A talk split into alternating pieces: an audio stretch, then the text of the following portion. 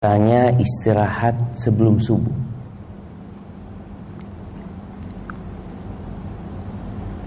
Selesai beliau mempersiapkan diri untuk istirahat, beliau bilang, "Siapa yang mau jagain kita supaya tidak telat subuhnya?" Apa kata Bilal? Ana ya Rasulullah. Aku wahai Rasulullah SAW. Akhirnya Bilal selesai sholat malam dia duduk menghadap ke arah timur untuk melihat fajar terbit. Subhanallah jemaah. Bilal itu baru bangun setelah Nabi teriak.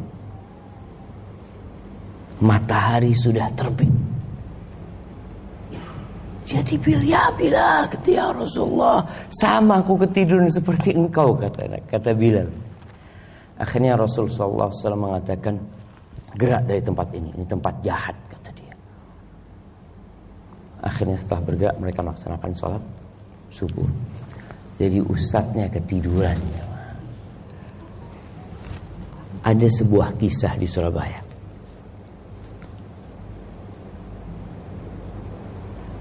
Ada seorang ustadz yang mau isi kajian subuh. Datangnya kemalaman ustadz ini. Akhirnya tinggal di sebuah apartemen. Jamaah sudah nunggu di masjid. Ustadznya nggak turun-turun. Sampai jam hampir setengah tujuh mungkin. Digedor-gedor pintu mau didobrak pintu kamar itu. Takut ustadznya meninggal dunia. Karena memang istrinya ditelepon ya supaya menghubungi suaminya mungkin ada nomor lain nggak ada. Sampai akhirnya jamaah bubar dari kajian. Apa yang terjadi? Ya ustadznya ketiduran aja. Subhanallah. Allah Azza wa Jal menamakan tidur ini dengan apa? Kematian. Disebut al-maut as-saghir. Kematian yang kecil karena kadangkala orang itu nggak sadar. Dan Nabi SAW pernah mengatakan, "Fa inna ahadakum la yadri aina batat yaduh." Seseorang di antara kalian itu nggak pernah tahu maka di mana tangannya bermalam. Oleh karena itu, sunnahnya kalau mau wudhu setelah tidur adalah mencuci tangan sebelum kita kumur-kumur. Kalau dulu wudhunya pakai wadah air itu, maka nggak boleh tangannya dimasukkan ke air. Hendaklah dicuci dulu kedua tangannya. Pernah dalam satu masa seorang ulama menyampaikan hadis ini. Ada seorang yang menentang. Oh jadi cuci tangan itu kalau nggak tahu di mana tangannya bermalam, tapi aku tahu di mana tanganku bermalam. Jadi nggak perlu cuci tangan. Apa yang terjadi sama orang ini? Ketika dia bangun tidur maaf tangannya sudah masuk ke tubuhnya orang itu benar-benar tidak tahu. Ketika terlelap dalam tidurnya tangannya itu bermain di di mana. Tapi alhamdulillah Allah telah membangunkan kita setelah mematikan kita dan kelak kepadanya kita kembali. Allahumma salli wa sallim ala Muhammadin wa ala alihi wa ashabihi ajmain. Amma ba'd. ahibbati fillah. Ini mungkin menjadi pertemuan kita yang terakhir. Apa tema kita pagi ini? Abi Ajaklah aku bersamamu menuju surga Gak sama umiknya juga enggak jadi ini kajian hanya untuk bapak-bapak gitu. Iya. Jamaah rahimakumullah. Kita tahu dunia ini hanya sementara. Kita dulu nggak ada. Kemudian kita jadi ada. Dan sebentar lagi kita akan menyusul mereka yang pernah ada lalu mereka pergi meninggalkan dunia. Semua yang kita usahakan akan kita tinggalkan. Seluruh harta kelak akan dilupakan. Dan hanya ada dua pilihan. Tidak ada yang ketiga. Fariqun fil jannah wa fariqun fis sa'ir. Ada satu kelompok di surga dan satu kelompok di neraka. Kita akan dimintai pertanggungjawaban oleh Allah Azza wa Jalla atas semua yang Allah berikan kepada kita. Kita akan ditanya tentang istri-istri kita. Kita juga akan ditanya tentang anak-anak kita.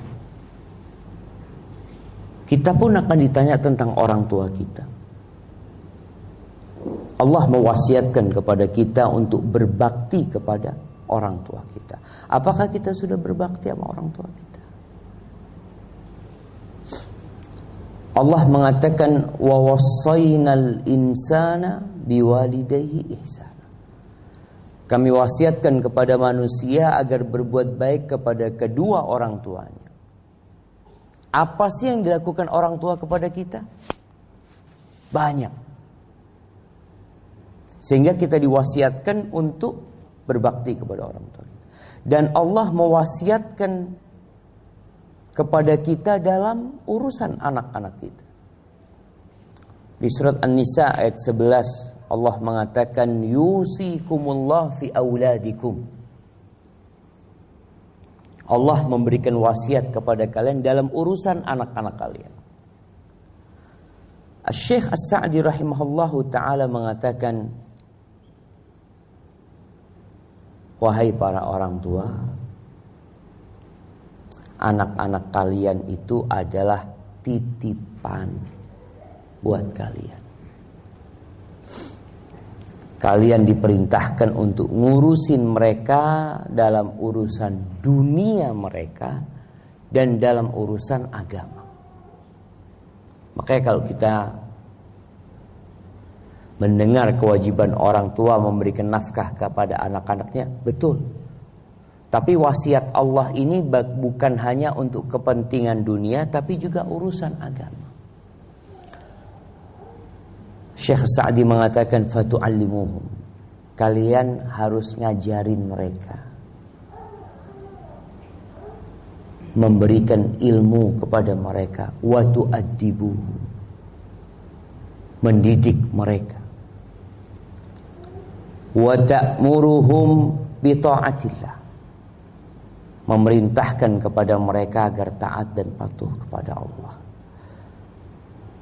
senantiasa bertakwa, menyelamatkan mereka dari kerusakan. Ini tugas orang tua. Sebagaimana firman Allah, ya ayyuhalladzina amanu qu anfusakum wa ahlikum nar.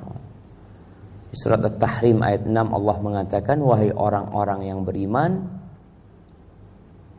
jagalah diri kalian dan keluarga kalian dari api neraka. Waquduhan nas wal hijarah.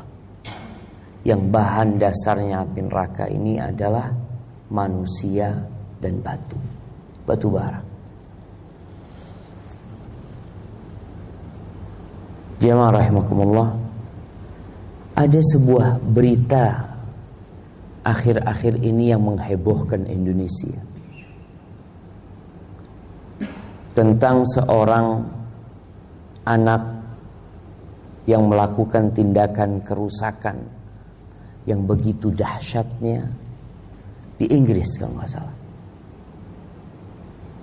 Siapa namanya? Rehard Sinaga.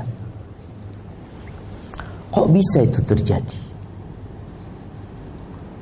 Ayahnya orang kaya, orang mampu, dan secara pendidikan dunia, anaknya mendapatkan pendidikan yang cukup dari orang tuanya. Dia S1 di Indonesia, kemudian S2, S3 di Inggris. Kalau secara pendidikan cukup sekali. Tapi kenapa kok bisa melakukan tindakan seperti itu? Orang tua punya tanggung jawab yang besar.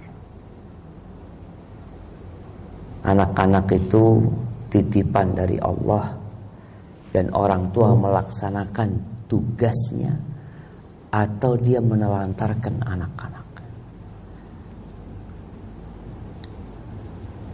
Banyak orang tua yang muslim kita lihat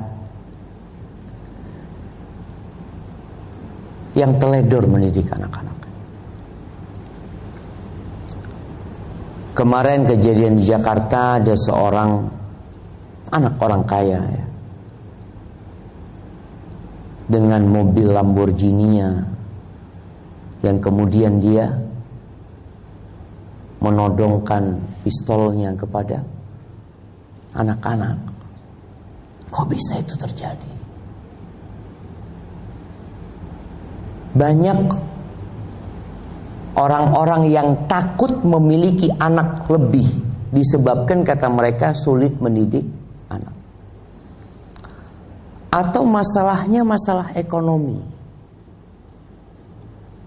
Di Indonesia lebih kepada masalah ekonomi. Selalu dikatakan dua anak cukup.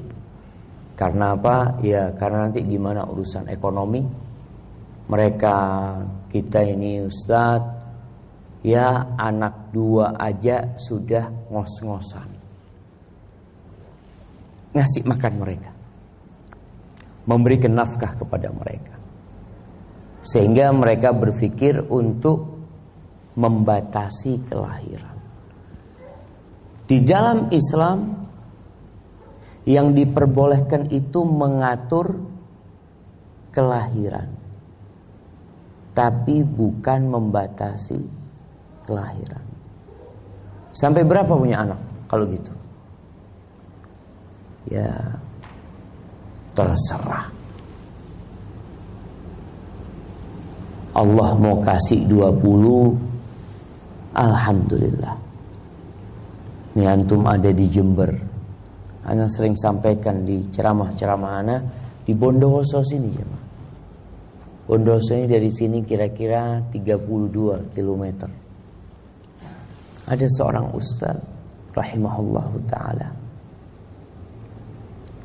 Beliau punya anak 28. Dari berapa istri? Satu istri. Ustadz ini pengeluarannya jelas. Pemasukannya tidak jelas. Tapi nggak tak untuk urusan urusan makan buat mereka. Jemaah rahimakumullah. Dan alhamdulillah anak-anak Ustaz ini jadi orang semua. Nggak ada yang jadi macan. Alhamdulillah. Terus kenapa orang-orang yang berada takut? Apa penyebabnya? Bisa jadi penyebabnya tontonan. Pengaruh lingkungan. Orang tua. Ada orang tua, orang tua zaman dulu nih.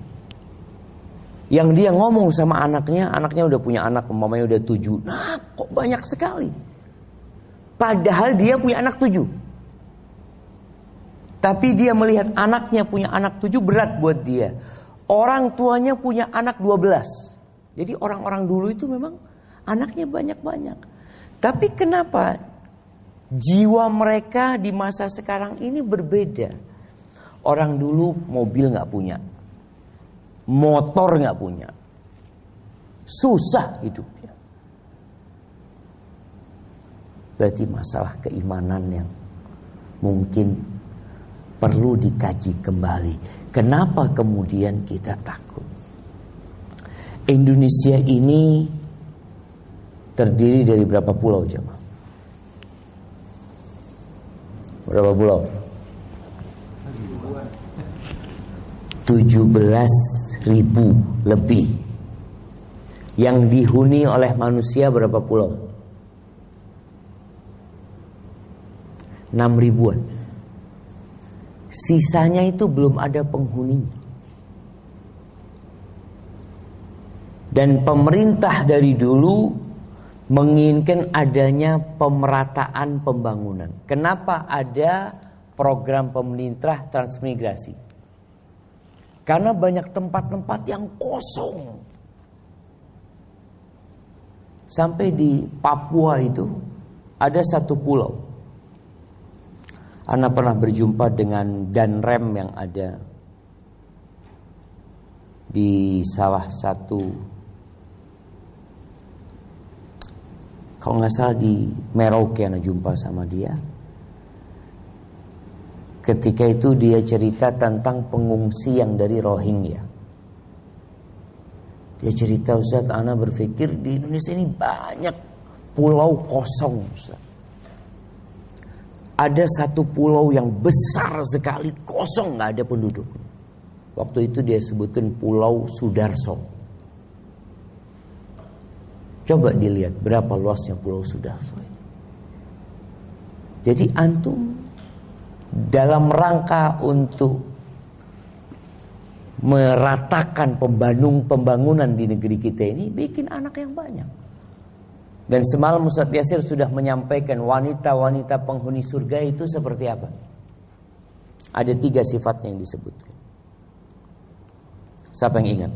Iya, ibu-ibu nih. Ini ada hadiah di sini mau dibagi. Nah, silahkan. Yang pertama, ada tiga sifatnya. Punya banyak anak. Yang kedua, penyayang. Yang ketiga, apa yang ketiga jemaah?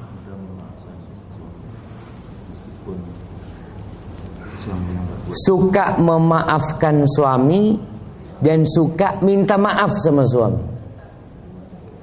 Nah, baik mana panitia? Kasihkan hadiahnya. Masya Allah. Tapi ternyata salah satu sifatnya itu adalah al-aun. Yang suka memaafkan suami dan minta maaf sama suami.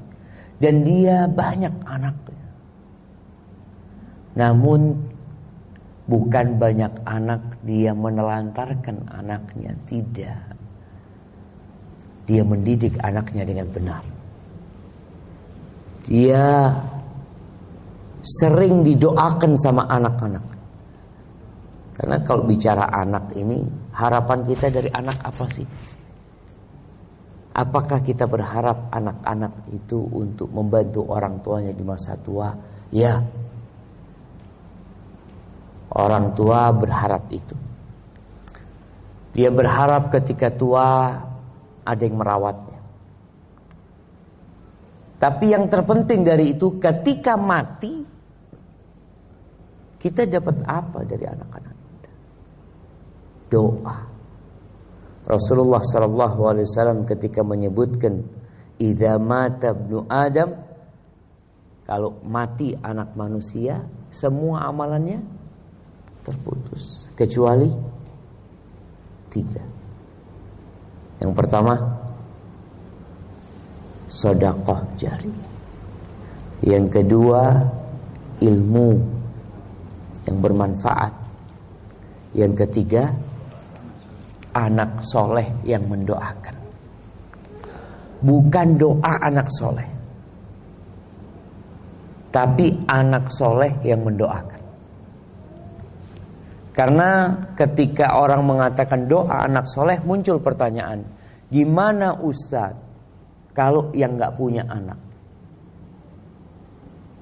Apakah doa saudaranya bisa? Apakah doa istrinya?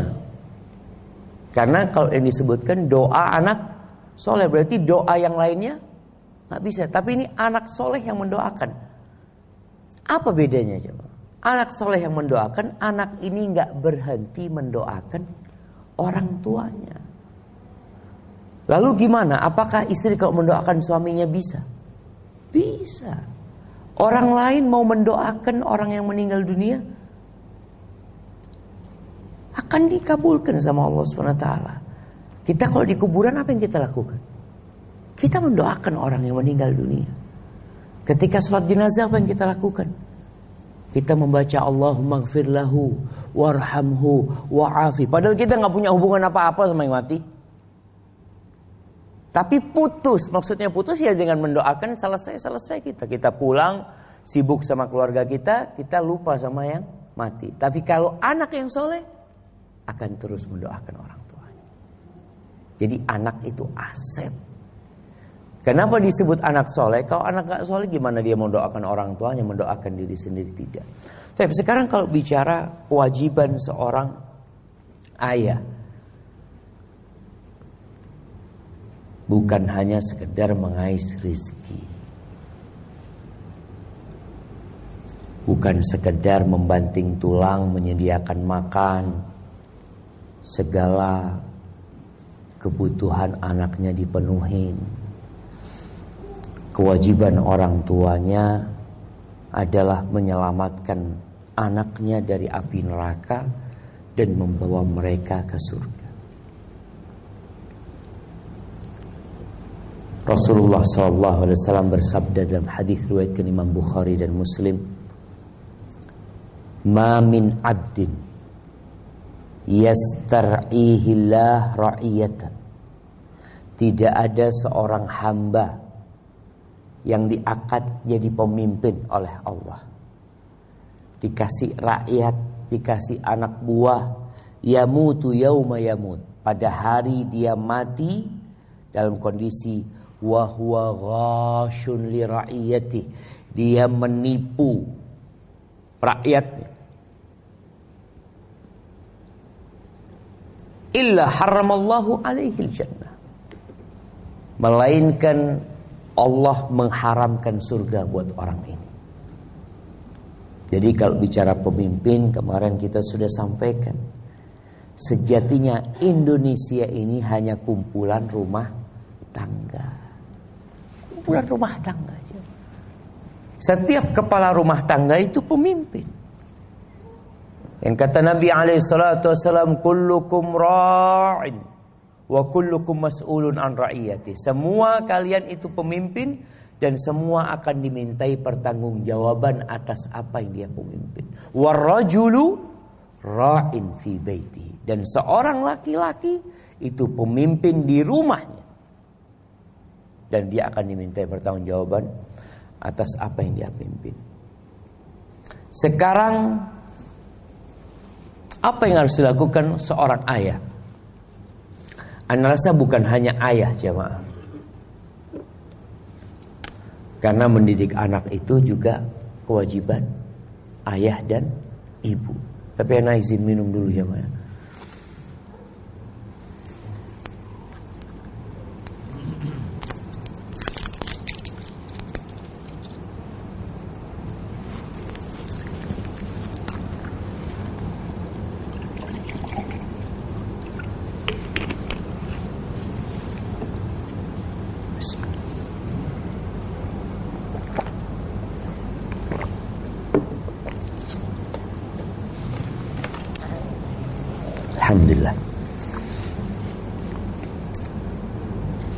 Apa yang harus dilakukan orang tua, bapak, ibu untuk membawa anaknya ke surga? Kenapa anak katakan ayah dan bunda? Jangan sampai seorang istri karena suaminya tidak ikut mendidik anaknya, kemudian dia pun tidak peduli sama anak-anaknya. Karena seorang wanita kata Nabi alaihi salatu wassalam wal mar'atu ra'iyatun dan seorang wanita itu adalah pemimpin di rumah suaminya fi baiti zaujiha. Jadi ketika suaminya pergi, maka dia yang pegang kendali di rumah tersebut. Coba kita lihat. Imam Syafi'i itu bapaknya mati ketika dia masih kecil. Tapi kok bisa ya jadi seperti Imam Syafi'i? Gak ada bapaknya. Jadi jangan sampai seorang ibu berdalih suami nggak ikut membantu. Suami mati pun tetap dia bertanggung jawab untuk mendidik anak-anak. Imam Bukhari sama Dia juga mendidik ibunya yang mendidik Imam Bukhari karena bapaknya meninggal dunia ketika dia kecil. Imam Sufyan Ats-Tsauri udah banyak sejarah yang menyebutkan ternyata wanita itu mampu mendidik seorang anak tanpa adanya bapak. Tanpa adanya bapak, mampu mendidik anak-anaknya dengan izin Allah Azza wa Jalla. Kadangkala ada ibu-ibu yang mengatakan, Ustaz kalau bapaknya mati sekalian Alhamdulillah Ustaz. Ini bapaknya hidup ngerusak pendidikan anak. Ada orang tua yang kalau ke rumah dia nggak ikut mendidik anaknya, tapi malah merusak anak. Seperti apa yang dilakukan? Ada mungkin bapak yang minum, bapak yang nyabu, bapak yang tidak sholat. Artinya kata ibunya kalau bapaknya mati, selesai sudah, saya akan didik. Tapi hasil didikan saya dirusak sama maka cara pertama untuk membawa anak kita ke surga orang tuanya harus bertakwa. Orang tuanya harus jadi orang baik. Kita semua tahulah kisah di surat Al-Kahf tentang bagaimana Allah Azza wa Jal mengutus Nabi Musa alaihissalam bersama Khadir yang akhirnya dalam cerita salah satu cerita mereka memperbaiki bangunan yang hendak roboh. Kenapa? Siapa yang menyebutkan? Ini masih banyak hadiah jemaah. Kenapa kok Allah utus Nabi Musa dan Khadir untuk memperbaiki bangunan yang hendak roboh. Nabi, dua nabi. Khadir diperselisihkan apakah dia nabi bukan bukan atau bukan.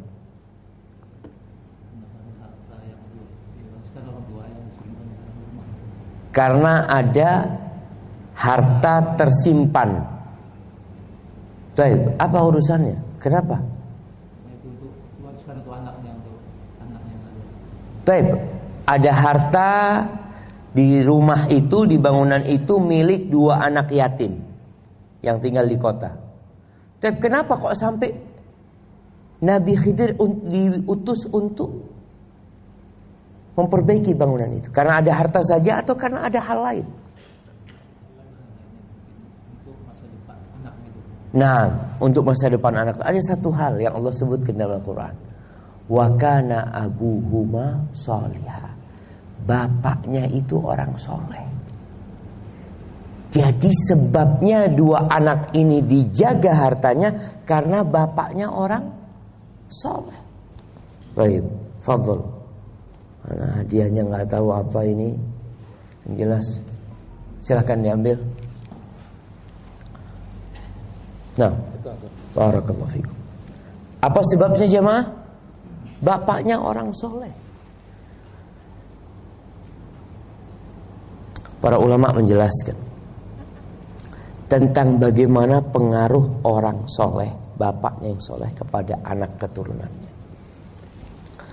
Sampai tujuh keturunan semoga dijaga anak-anaknya. Seorang tabi'in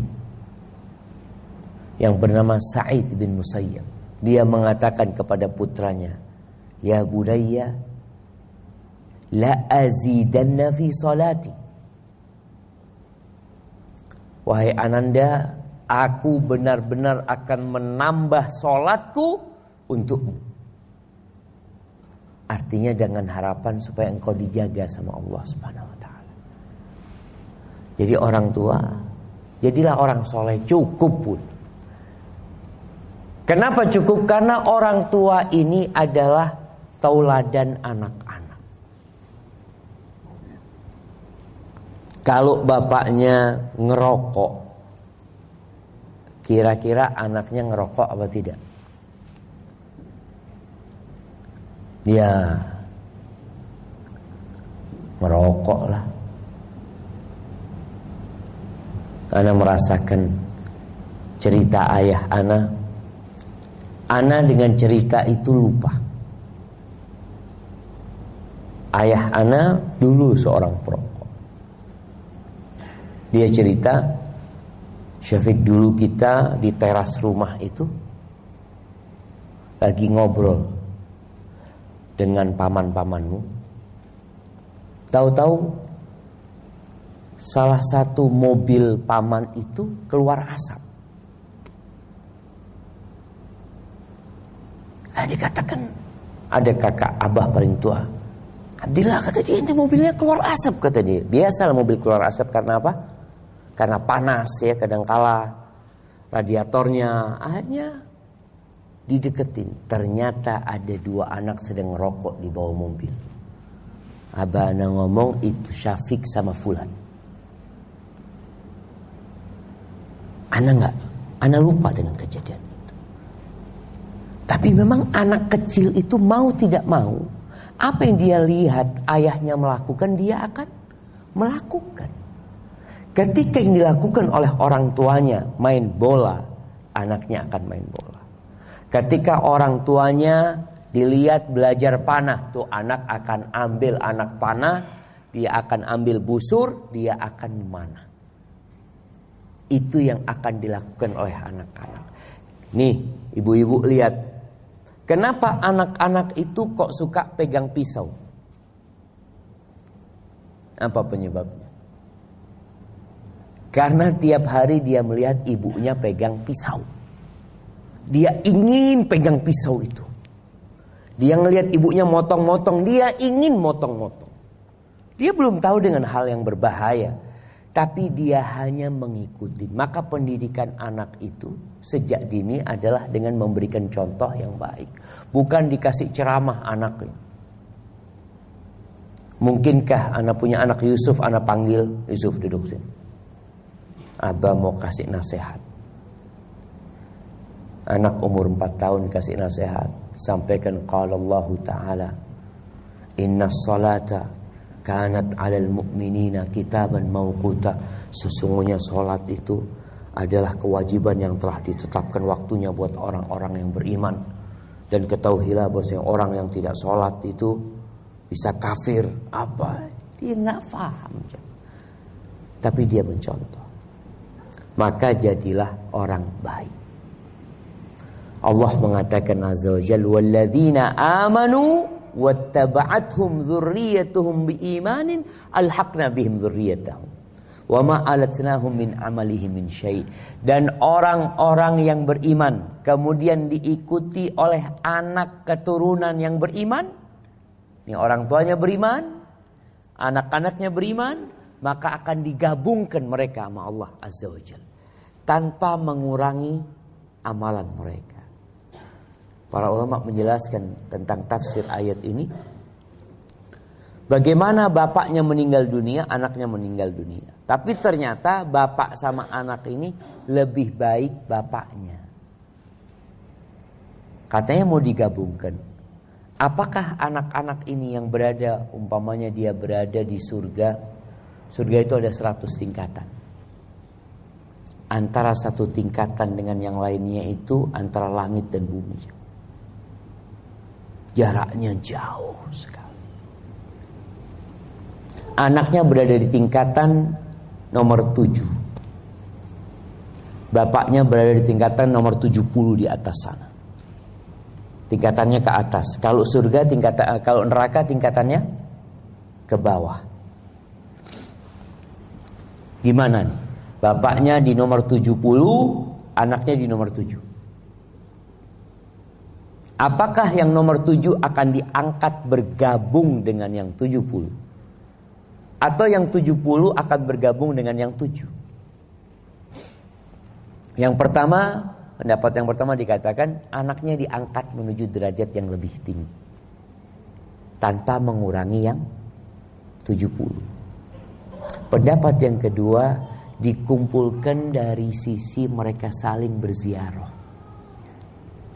Jadi bukan berkumpul tempatnya tapi mereka bisa berkunjung.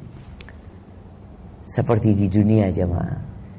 Anak itu kadang-kala berpisah sama orang tuanya tapi tetap berkumpul sama orang tuanya.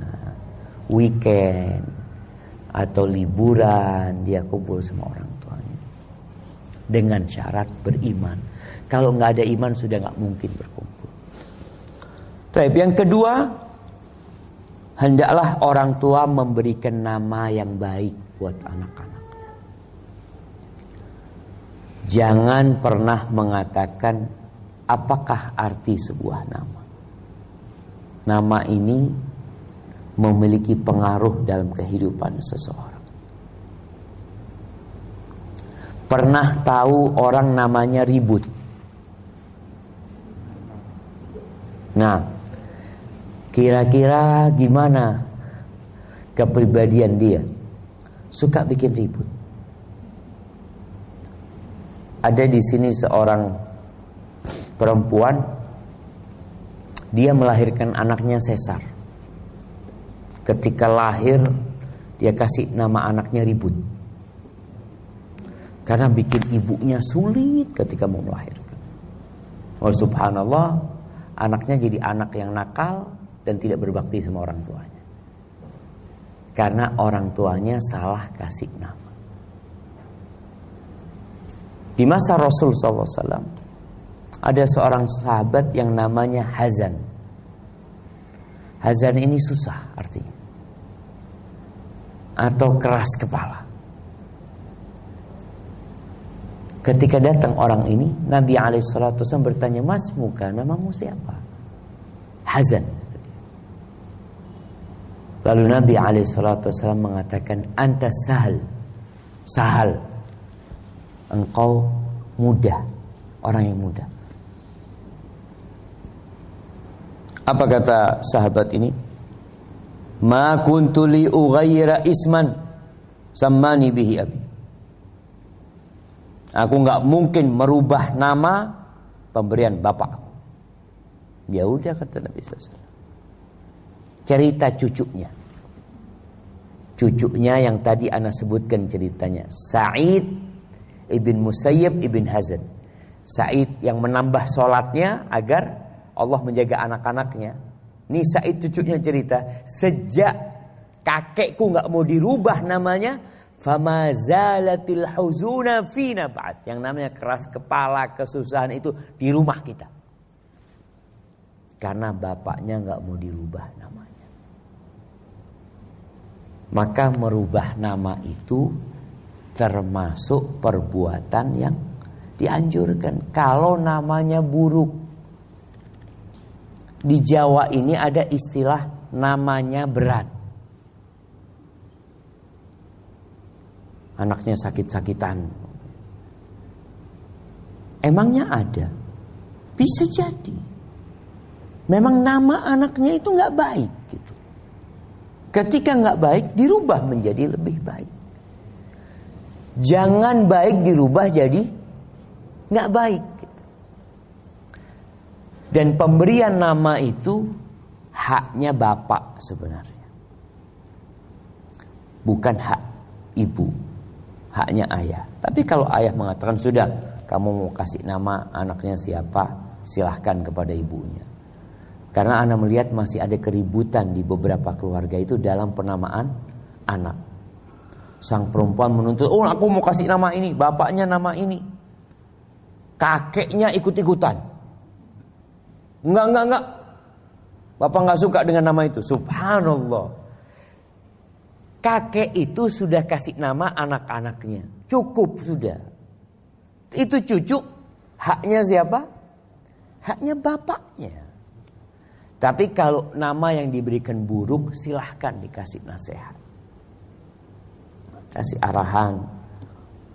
Jadi tolong ketika memberikan nama itu yang ada maknanya. Seperti nama-nama para nabi. Udahlah nama nabi semuanya baik. Rasul sallallahu alaihi wasallam ketika lahir putranya di kota Madinah dari Maria Al-Qibtiyah dari budak yang diberikan oleh raja Muqawqis kepada Nabi Alaihissalam Nabi memberikan nama seperti nama bapaknya yaitu Ibrahim. Nabi Ibrahim Alaihissalam. Dikasih nama Nabi Ibrahim. Lihat nama-nama anak Nabi. Ibrahim Abdullah Qasim. Kemudian Siapa lagi yang perempuan? Zainab, Ruqayyah, Ummu Kalthum, Fatimah. Namanya hanya satu suku kata. Nggak dua, nggak tiga, nggak empat. Sedangkan orang-orang sekarang ini, wallahu alam jamaah. Anda nggak tahu di Barat itu namanya pakai suku satu suku kata atau dua suku kata orang-orang orang-orang Inggris semua. Satu, kayaknya satu mereka. Nama keduanya itu nama marganya mungkin. Wallahu Tapi yang jelas di dalam Islam carikan nama yang baik. Nama yang kedua kalau bisa nama ayahnya. Nama yang ketiga nama kakeknya atau marganya. Karena itu untuk memperekat hubungan silaturahim. Kasih nama-nama para sahabat. Jangan kasih nama yang tidak ada. Kita itu kadang-kala ingin kasih nama yang belum ada. Enggak, enggak, enggak. Nama kasih nama Abdullah. Aduh banyak Abdullah di sini Ustaz. Subhanallah, nama yang paling dimulai, yang paling dicintai Allah itu dua. Abdullah dan Abdurrahman. Makanya sahabat Nabi itu yang namanya Abdullah banyak. Abdullah bin Mas'ud. Abdullah bin Umar. Abdullah bin Amr. Abdullah bin Umar bin Khattab, Abdullah bin Amr bin As. Abdullah bin Abbas. Terus Abdullah bin Zubair. Nggak apa-apa. Jadi kalau namanya sama dengan nama tetangga, nggak apa-apa orang namanya baik. Dan itu nama yang paling cintai Allah Azza wa Jal. Maka kasih nama, tapi nama keduanya yang membedakan mereka. Setelah dikasih nama yang baik, anaknya lakukan akikah. Akikah ini juga punya pengaruh untuk kehidupan akhirat. Kata Rasulullah sallallahu alaihi wasallam, "Kullu mauludin marhunun bi aqiqatihi." Semua anak yang terlahirkan itu, yang dilahirkan itu tergadaikan dengan akikahnya hatta yu'aqqa anhu sampai dipotong akikah. Apa makna tergadaikan? Sebagian ulama berpendapat anak itu nggak bisa memberikan syafaat kepada orang tuanya sampai di akikah.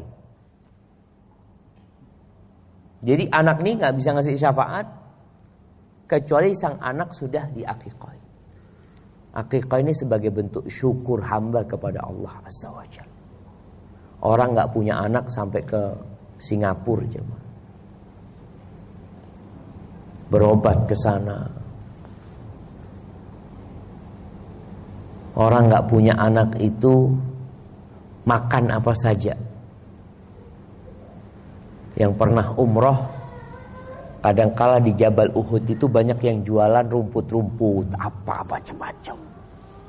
Mereka udah bisa bahasa Indonesia. Ini buat yang ingin punya anak, ingin punya anak. Dibeli anak tidak bisa memberikan syafaat kepada orang tuanya. Makna yang kedua, para ulama menjelaskan itu hanya bentuk penekanan seperti gadai yang tidak bisa diambil kecuali kita bayar. Jadi anak itu tetap dapat memberikan syafaat kepada orang tuanya. Ini penjelasan para ulama. Maka tolong diakikahin anak. Kapan anak diakikain ketika nyawa sudah ditiupkan kepadanya. Jadi kalau ada orang keguguran sudah lebih 120 hari berarti akikah. Dikasih nama. Tapi kalau sebelum 120 hari maka tidak perlu akikah karena memang belum ada nyawanya. Ini kalau anak keguguran.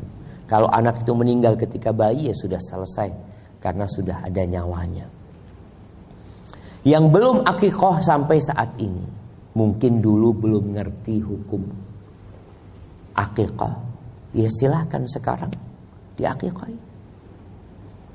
Bismillah. Kalau anak laki-laki dua ekor kambing, kalau anak perempuan satu ekor kambing. Boleh nggak Ustaz? Sapi. Ustaz. Karena masyarakat di kampung kita ini Ustaz nggak makan kambing, nggak suka Ustaz. Anak ingin potong sapi, alhamdulillah, tafadhol. Potong sapi. Dua ekor sapi, tiga ekor sapi, empat ekor sapi. Nggak masalah. Kalau dia mau potong sapi. Walaupun tetap sebagian ulama mengatakan yang disyariatkan adalah adalah kambing. Sebagian mengatakan tetap yang lebih utama adalah kambing. Itu berkaitan dengan akikah. Bagaimana pelaksanaan akikah? Nggak harus dimasak, nggak harus ngundang-ngundang orang.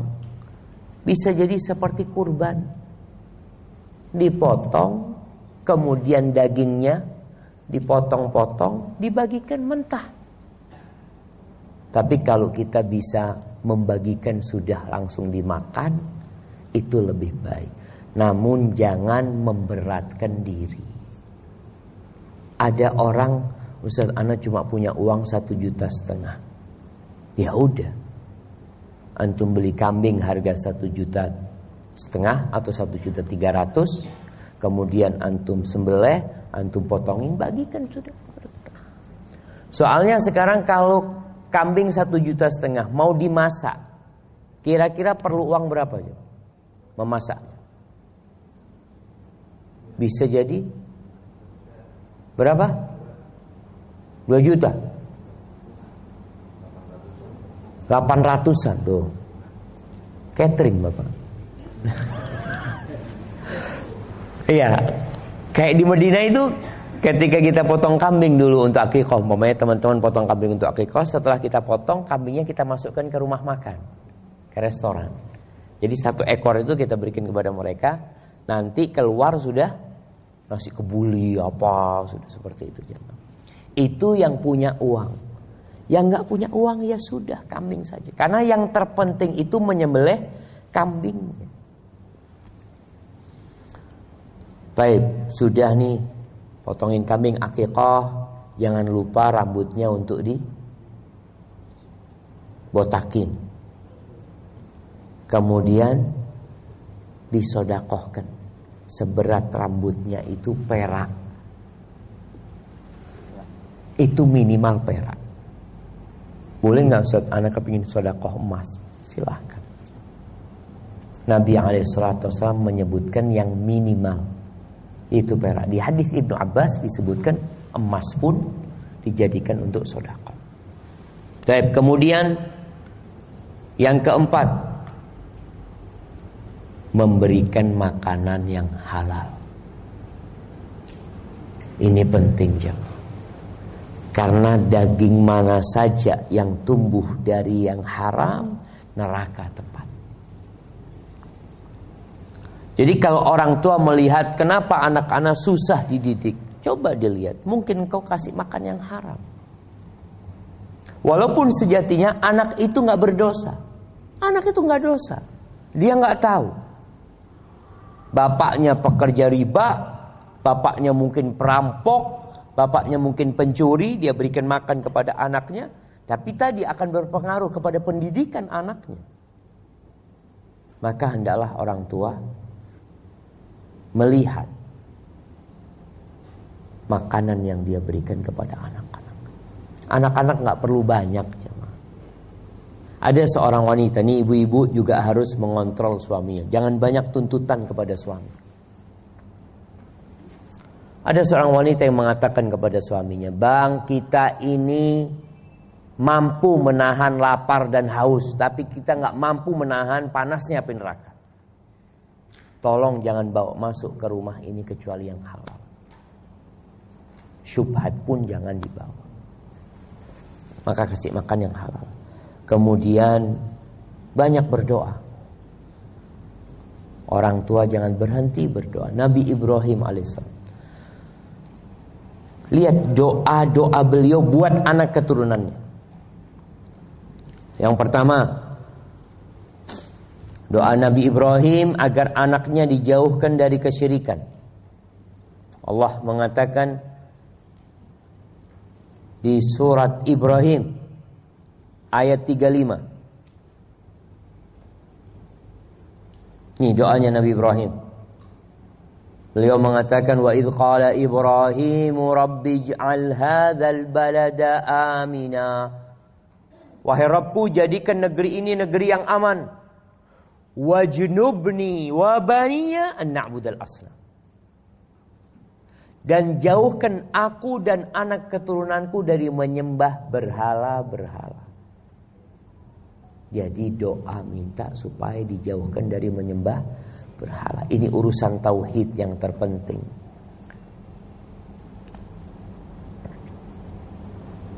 Ada orang tua yang mendoakan anaknya hanya urusan dunia.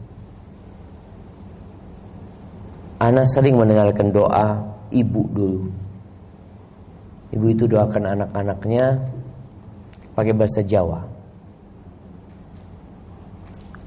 Ah, apa yang dia katakan? Cetek judulnya. Cetek judulnya ini mudah murah rizkinya mudah rizkinya Kemudian apa gitu ya doa anak kok jadi lupa. Silahkan doa-doa yang baik untuk dunia, tapi jangan lupa untuk doa urusan agama. Ini Nabi Ibrahim alaihissalam. Taib, beliau berdoa semoga anak-anaknya bertauhid dan jauh dari kesyirikan. Doa yang kedua doa Nabi Ibrahim alaihissalam. Beliau berdoa Di surat Ibrahim ayat 40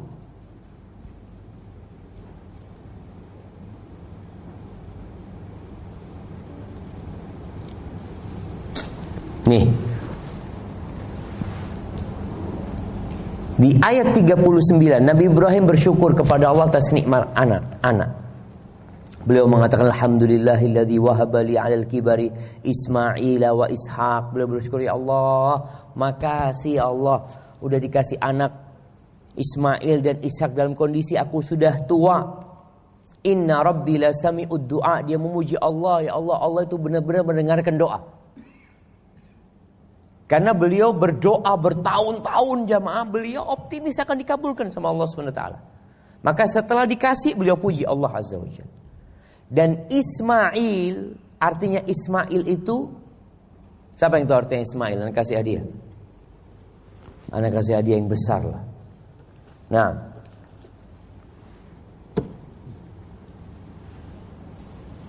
Jemaah ada yang namanya Ismail. Apa artinya Ismail? Anak-anak ada yang namanya Ismail? Gak ada. Ada yang mau diganti Ismail? Nah, Ismail itu Isma dari kata Isma dengar. Il itu dikatakan Allah Azza wa Jalla. Artinya doa yang dikabulkan Allah. Nih, jadinya Ismail ini anak yang bermula dari doa yang dikabulkan oleh Allah SWT. Maka Israel artinya adalah Abdullah.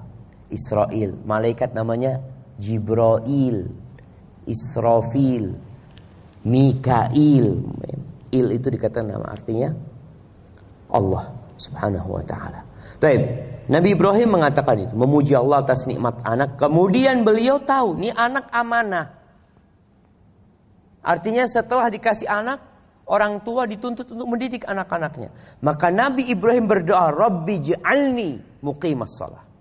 Ya Allah jadikan aku orang yang mendirikan salat wa min dan anak-anak keturunanku ini ya Allah jadikan mereka orang-orang yang mendirikan salat Rabbana wa taqabbal du'a. Wahai Rabb kami kabulkan doaku. Beliau memuji Allah mengabulkan doa. Tapi di akhir doa beliau memohon.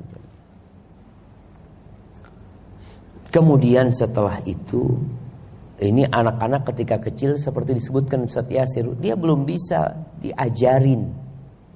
Maka kita minta sama Allah Subhanahu wa taala, kemudian setelah itu berikan pendidikan yang layak, yang baik untuk anak-anak kita yang berurusan dengan urusan tauhid. Jangan hanya memilihkan sekolah buat anak-anak kemudian berlepas tangan. Jadi sekolahan ini hanya membantu orang tua. Jadi orang tua bukan membuang anaknya ke pesantren. Ada tiga unsur pendidikan. Yang pertama adalah sekolah. Yang pertama afwan, rumah, orang tua. Kemudian sekolah. Dan yang ketiga adalah masyarakat. Masyarakat ini di antaranya adalah masjid yang berada di tengah-tengah masyarakat. Hadza wallahu a'lam. Mungkin itu yang bisa kita kaji pada kesempatan kali ini. Kita masuk ke sesi tanya jawab. Fadhol jamaah. Kalau ada yang ditanyakan. Nah, mana mic-nya? Fadol jemaah, mic-nya dikasihkan.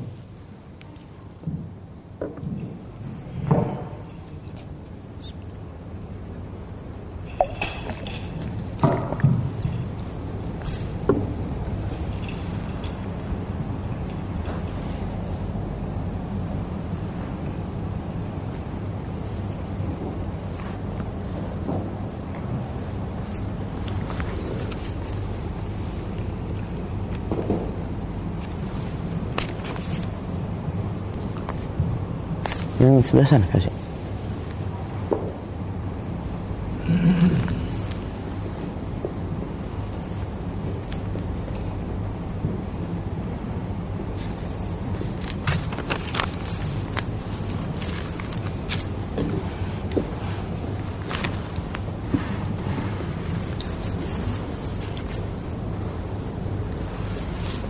Masih panjang. Nah, fadhil.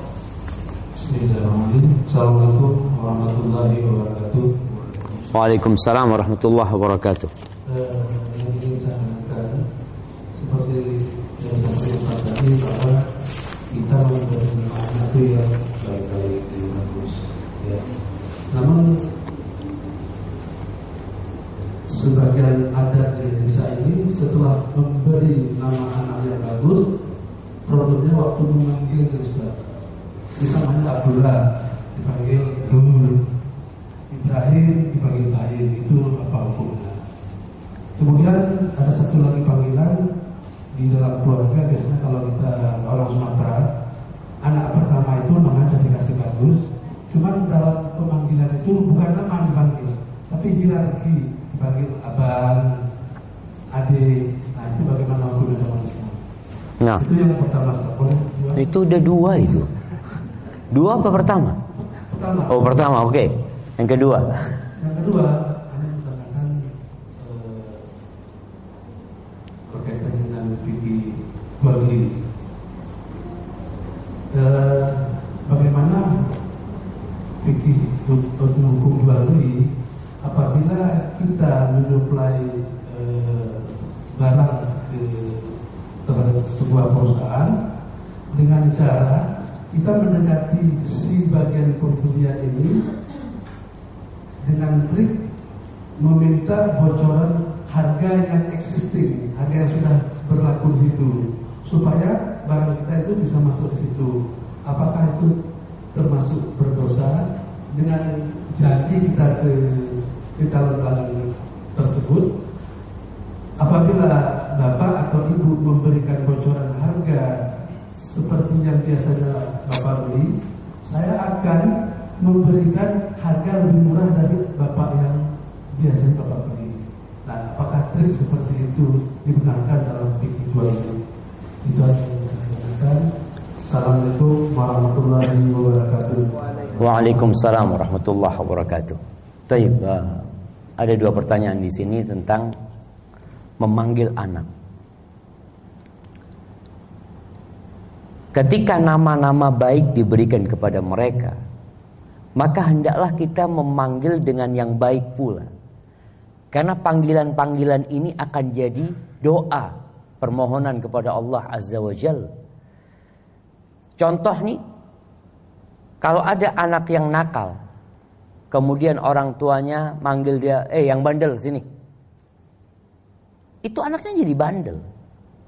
Karena panggilannya panggilan buruk. Maka Allah mengatakan wala tanabazu bil alqab. Jangan kalian saling melemparkan gelar-gelar yang buruk kepada sesama kalian. Apalagi itu anak kita. Maka panggillah anak itu dengan namanya yang sempurna Mamanya Abdullah. Panggil dia dengan Abdullah.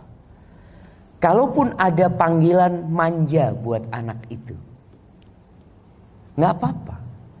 Tapi yang tidak merubah makna Tidak menjadikan namanya itu Tidak berarti akhirnya.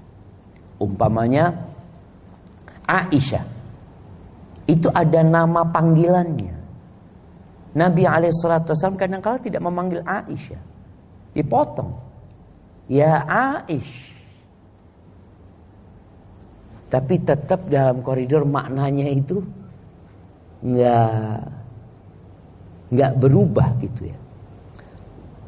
Bukan seperti dul yang kemudian nggak memiliki makna sama sekali dipanggil anak itu dul. Apalagi Ibrahim dipanggil Baim umpamanya. Baim. Abdullah itu dipanggil Abudi kadangkala atau Abdurrahman Abudi, tetap hamba. Jadi artinya itu tetap wahai hamba gitu. Karena memang Abdullah itu hamba Allah Azza wa Jalla. Kemudian Zainab Nabi Alaihissalam kadangkala tidak memanggil Zainab, dipanggil Zanab. Jadi diringkas itu dalam bahasa Arab pun ada, tapi jangan sampai merubah maknanya atau menjadikan nama itu tidak memiliki makna sama sekali. Adapun memanggil dengan cara hierarki. Panggil abang ya, abang, adik, nggak ada masalah juga sebenarnya. Ketika dipanggil ya akhi, uh, ini abang supaya dia itu menghormatin kakaknya, maka tolong dipanggil abang atau memanggil suami istri panggil mama dan abi, umi dan abi. Ini kan juga tidak dengan namanya dia katakan uh, sehingga suami memanggil istrinya umi, istri memanggil suaminya abi. Boleh nggak? Boleh sebenarnya. Bukan menjadikan dia itu ibu kita bukan, tapi ini dalam rangka untuk mengajarin anak-anak kita menghargai ayah bundanya. Ada orang tua yang memanggil suami istri ini saling memanggil nama. Mamanya nama suaminya Said. Said. Itu anaknya manggil bapaknya Said. Karena memang dia itu biasanya dengar si si siapa si ibu ini manggil sama Said. Said kata. Si anak duduk Said, Said, Said. Maka kadang-kadang orang tua demi mendidik anaknya dia pakai panggilan gelar seperti itu, nggak masalah sebenarnya. Hadza wallahu a'lam Nah, berkaitan dengan dagang nih, sebenarnya yang lebih pantas menjawab Ustaz Yasir urusan fikih dagang. Intinya syarat-syarat jual beli itu terpenuhi aman. Di pertanyaan tadi itu ada yang berkaitan dengan larangan menjual di atas penjualan saudara kita. Rasul SAW mengatakan wala yabi ba'dukum ala bai'i akhi. Enggak boleh kita menjual di atas penjualan saudara kita. Memangnya orang itu sudah jual sama anak. Jual barang sama anak. Jual barang sama anak harga 10 ribu. Lalu antum datang, Ustaz, Ustaz kasih harga berapa sama dia? 10 ribu, Ustaz anak kasih harga 9 ribu. Ini merusak penjualan. Tapi kalau penjualan putus nggak ada masalah. Artinya orang itu sudah beli selesai, kemudian jual belinya udah selesai. Mungkin anak butuh barang ini bulan depan. Lalu ada orang datang kepada anak, Ustaz perlu mamanya perlu buku Ustaz. Anak jual buku Ustaz. Ustaz dapat harga berapa sih? Mamanya 10 ribu. Ustaz anak kasih 9 ribu. Itu nggak ada masalah. Asalkan bukan sedang terjadi jual beli. Tapi kalau sudah akad, ada akad sama anak, anak jadi supplier yang tiap bulan. Anak udah supplier tiap bulan ke sana, kita sudah punya kontrak, mamanya uh, tiap bulan dengan harga 10 ribu, lalu ada orang yang mau merusak. Ini yang terlarang.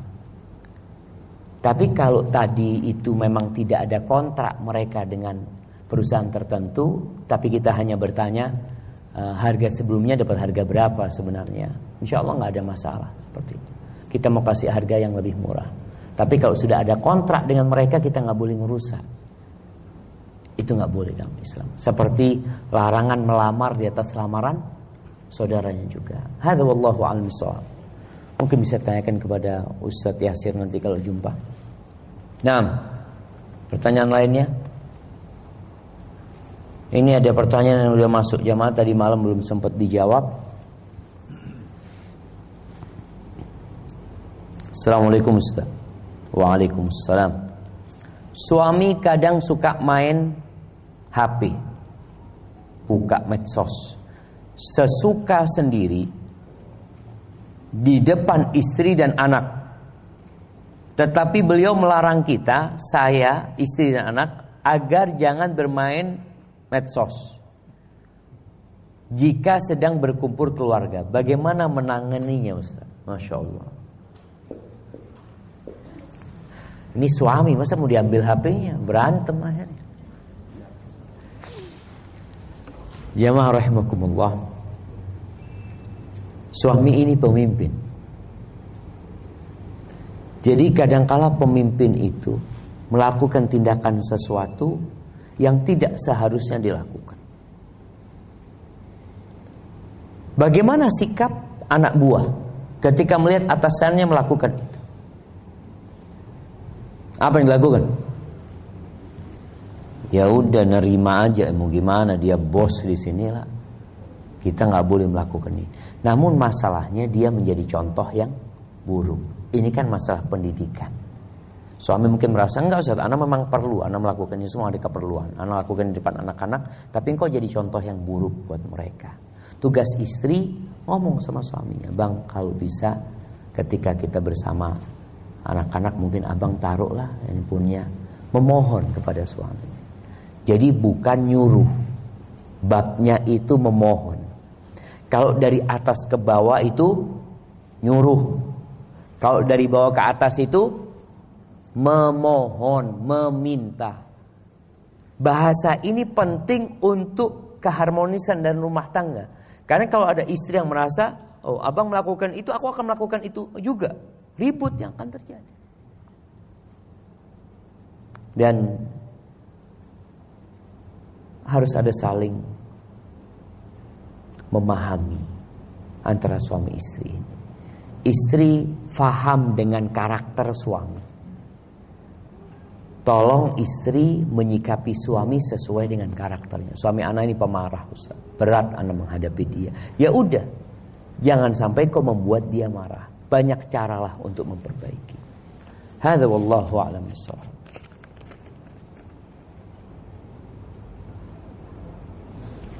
Baik. Masih ada pertanyaan yang mengatakan suami ini dari ibu-ibu semua jemaah. Suami yang tidak mengajarkan anaknya agama. Tidak semangat menuntut ilmu. Hanya nafkah yang dicari. Apakah itu termasuk kedurhakaan orang tua terhadap anak? Hanya mengandalkan ma'had tempat anak dititipkan.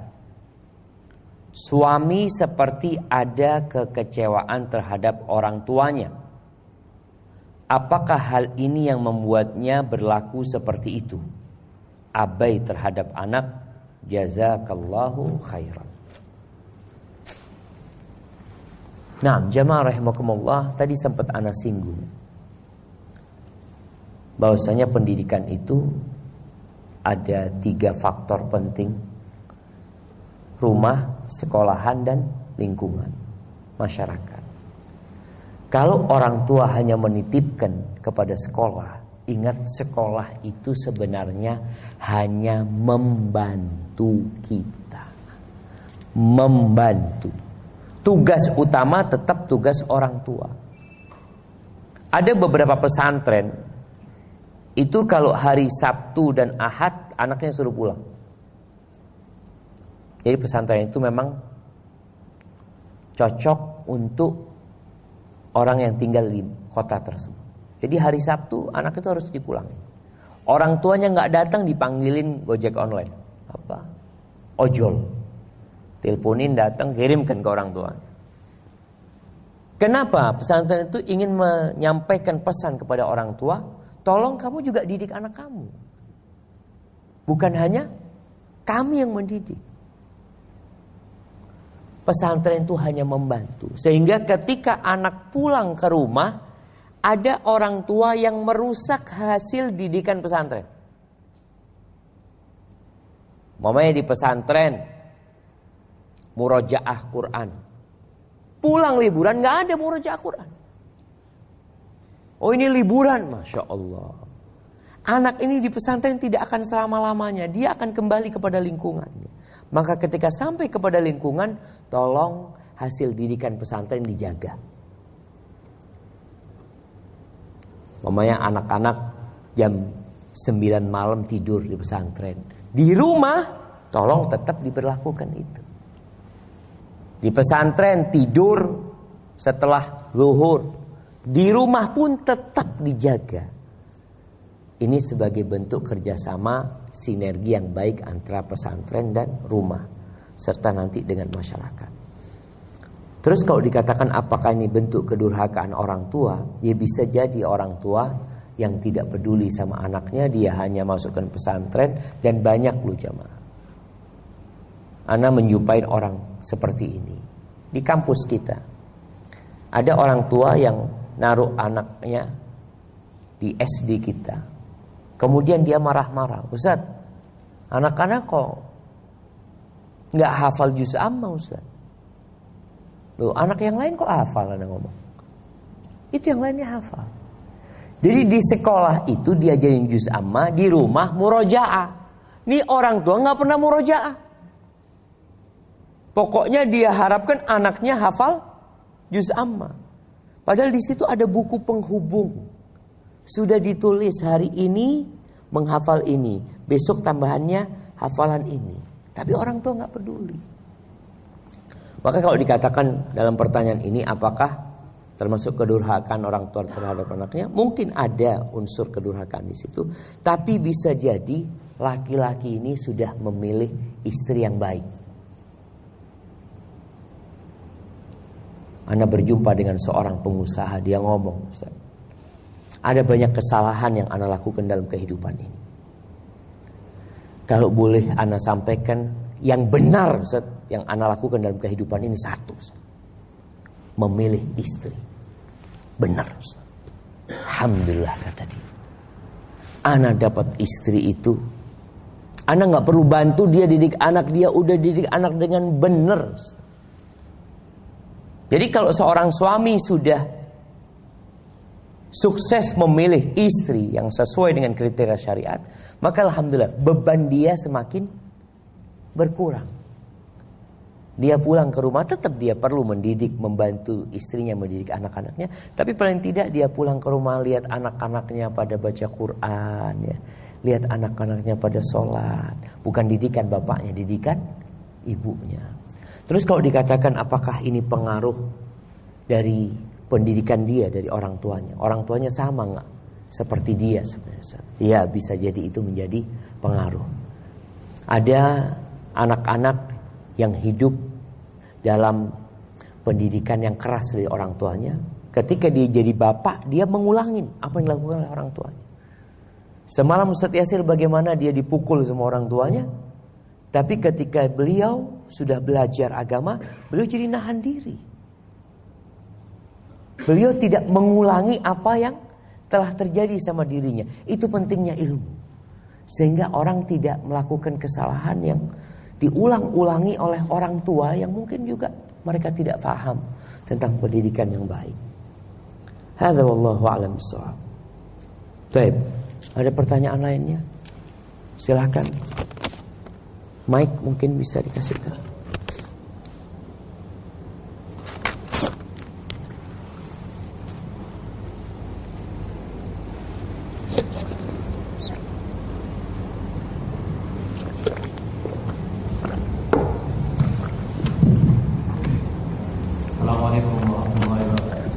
Waalaikumsalam warahmatullahi wabarakatuh. Ustaz, saya ada tiga pertanyaan. Masya Allah. Uh, pertama Ustaz mengenai uh, akikah.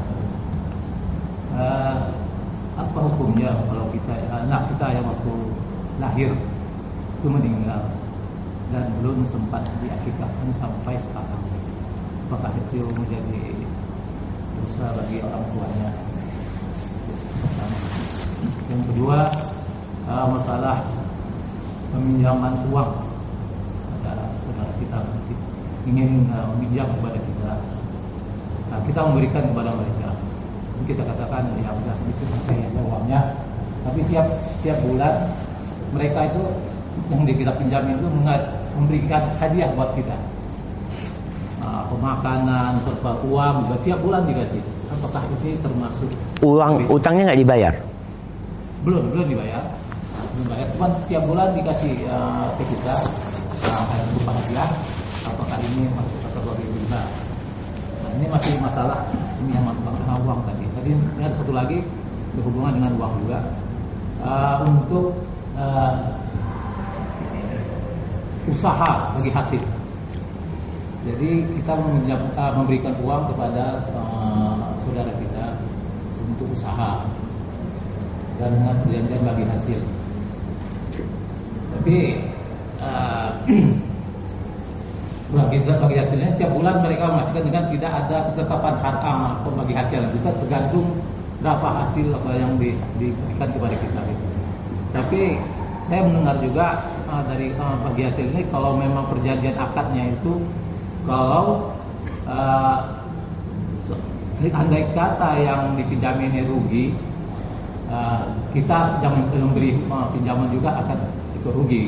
Tapi dalam aturan sekarang ini uh, kita yang meminjamkan, saya tidak mau uang saya itu tetap seperti itu. Cuma saya tidak meminta uh, uang yang uh, yang di tiap bulan dikasihkan itu tidak tetap gitu. Jadi terserah berapa yang akan dikembalikan. Nah, itu yang kedua. Yang ketiga yang uh, berhubungan dengan ngajian yang kemarin itu masalah umat tangga Rasulullah. Saya mendengar, saya baca-baca itu, itu masalah istri Rasulullah itu ada sebelas. Tapi yang satu kemarin mengatakan itu sembilan gitu. Cuman itu minta penjelasan. Ya.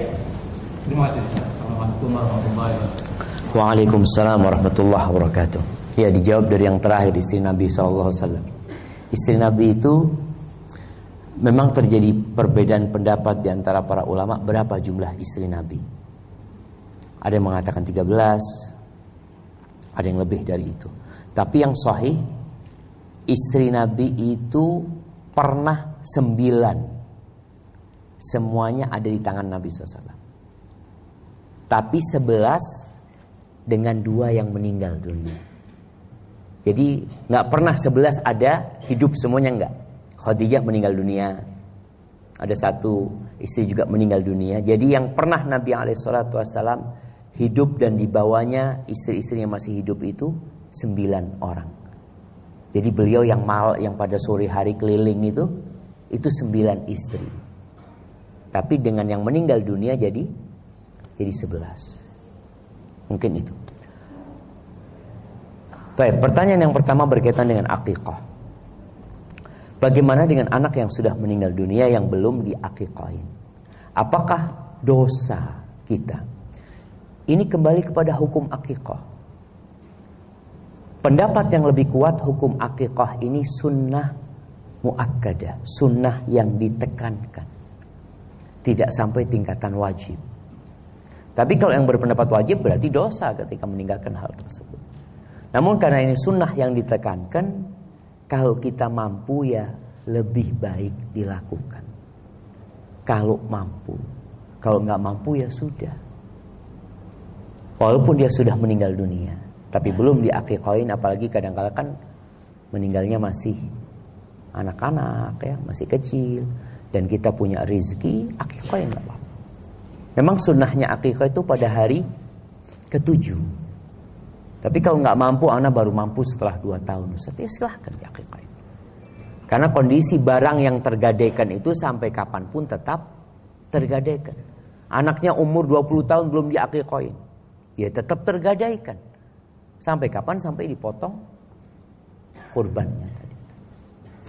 Nah, kurbannya, akikahnya.